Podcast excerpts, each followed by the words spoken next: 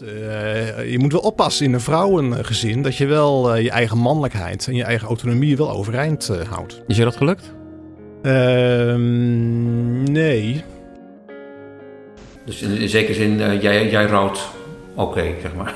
Ja, Ja. wat ik een veel moeilijkere emotie vind, is, is mag ik ook boos zijn op mijn moeder? Dit is Hoe doe jij dat nou? Waarin ik, Nathan Vos, met een man praat over zijn relaties. Met zijn ouders, met zijn partner, met zijn kinderen, met zichzelf.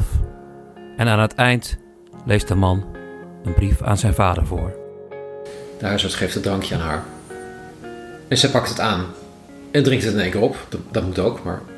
En het feit dat iemand dus zo in zo'n rust eh, en overtuiging eigenlijk zijn eigen dood tegemoet dringt, want dat, dat was het.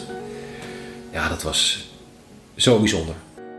Heb je? Dus, maar we hebben dus die ervaringsdeskundigen eh, die kunnen zeggen van ja, je maakt mij niks wijs. Been there, done that. Dus kom dan maar met wat eronder ligt.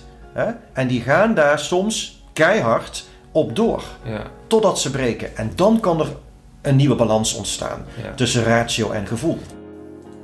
Hoe doe jij dat nou? Is te beluisteren op Spotify, iTunes en andere podcastkanalen. Meer weten?